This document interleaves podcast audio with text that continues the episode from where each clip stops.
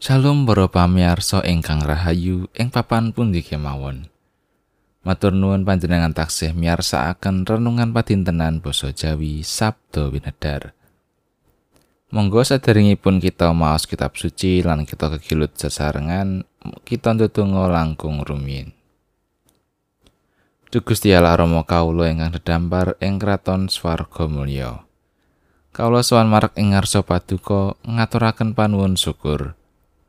Awit saya berkah pangrimat ingkang saking paduka dumateng kawula.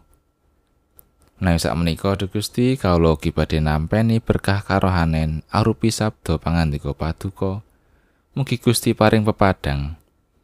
Satemah kawula saged ngecakaken ing gesang kawula. Matur nuwun Gusti. Paduka mugi kersa paring pangapunten awit kathah dosa lan kelepatan kawula. Sedaya pasambat lan panyuwunan kawula menika kawula aturaken linambaran asma Gusti kawula Gusti Yesus Kristus. Amin. Para sederek wawasan kapendet saking kitab kalih para raja bab 8 ayat setunggal ngantos 6 Nabi Elisa maune wis ngendika marang wong wadon kang anake diuripake maneh kowe tata-tata lan lunga sabrayatmu manggono dadi wong naneka ana ing ngendi wae anggonmu bisa oleh panggonan. Sebab pangeran Yewah wis ndawuhake anane pailan kang mesti bakal tumempuh marang ing negara iki lawase nganti pitung taun. Wong wadon mau nuli tata-tata lan nglakoni apa kang kepangantinggakake dening abdining Allah Dheweke lunga sakulawargane sarta banjur manggon dadi wong neneka ana ing negarane wong Filisti lawase pitung taun. Bareng wis pitung taun wong wadon iku bali saka ing negarane wong Filisti lan banjur marang marang ing ngarsane Sang Nata lapor bab omah lan petegalane. Ing nalika iku Sang Prabu lagi ngendika marang Gehazi rencange abdining Allah. Coba ingsun carita nono. Bab saking panggawene Nabi Elisa kang linuwih. Bareng Gehazi lagi nyeritakake bab anggone Nabi Elisa ngesangake bocah kang wis mati. Wong wadon kang anake diuripake iku teka marek marang ing ngarsane Sang Nata lapur bab omah lan petegalane. Gehazi tumuli munjuk. Duh Gusti kawula Sang Prabu, menika tiyangipun estri, So menika ingkang dipun kesangaken dening Nabi Elisa.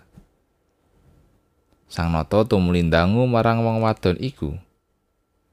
Dene wong wadon iku ya banjur mratelakake caritane kabeh marang panjenengane. Sang Prabu tumuli paring dawuh marang sawijining punggawa kraton supaya barengi lakune wong wadon mau kalawan kaparingan piweling. Saking barang darbeke lan saking pametune pategalane wiwit nalika wong wadon iku lunga saka negara kene nganti seprene iku balekno marang dheweke. Makatan pangandikanipun Gusti ayat nat saking ayat 6 Saking barang darbeke lan saking pametune pategalane wiwit nalika wong wadon iku lunga saka negara kene nganti seprene iku balekno marang dheweke. Panggula wentaipun Gusti menika jejeripun renungan dinten menika. Pawestri Sunem ingkang sae ing budi so anakipun ingkang gesang malih awit kasayananipun Gusti wangsul dhateng negari Israel. Kados ingkang dipun dawuhaken dening abdinipun Gusti Nabi Elisa, piyambakipun dalah sabrayat ngungsi dhateng negara Filisti sawetawis pitung taun awit wabah pailan. Nalika wangsul dhateng negari Israel, griya lan pategilanipun dipun kuwaosi dening tiang sanes. Pramila yang estri Sunem menika sowan dhateng Sang Prabu Yoram murih angsal pitulungan. Nalika semanten Sang Prabu nembe wawan pangandika kalian Gehazi, abdinipun Nabi Elisa. Babakan sedaya mujizat ingkang dipun tindakaken dening sang nabi. Mila pawestri Sunem lan anakipun menika dados bukti saking menapa ingkang kaaturaken dening Gehazi. Sang Prabu midhangetaken cariyos lan sang saya yakin bilih Gusti Allah makarya kanthi ajaib tumrap pawestri Sunem menika. Mila piyambakipun lajeng paring dawuh supados mangsulaken sedaya barang darbeipun lan patagilan ingkang sampun dipun tilaraken pitung taun dangunipun. Kulo lan panjenengan menika kagunganipun Gusti. Menapa ingkang sampun kelampan tumrap pawestri Sunem lan anakipun, dados bukti panggulawenthahipun Gusti dhateng umatipun ingkang sedya kanthi tulus bangun turut dhateng rancanganipun Gusti. Kita mboten mangertos menapa ingkang badhe kadadosan ing wekdal ingkang badhe kalampah. Ananging Gusti ingkang kebak ing sih rahmat saged ngginakaken kawontenan menapa kemawon kangge netengaken kasainan. Nawi Gusti sampun miwiti, panjenengane ugi ingkang badhe ngrampungaken. Mila sumangga kita mitadosaken bab gesang lan pagesangan kita dumateng panggulawan pun Gusti.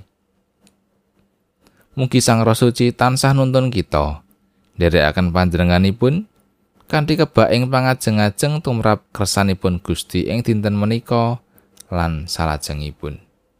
Amin.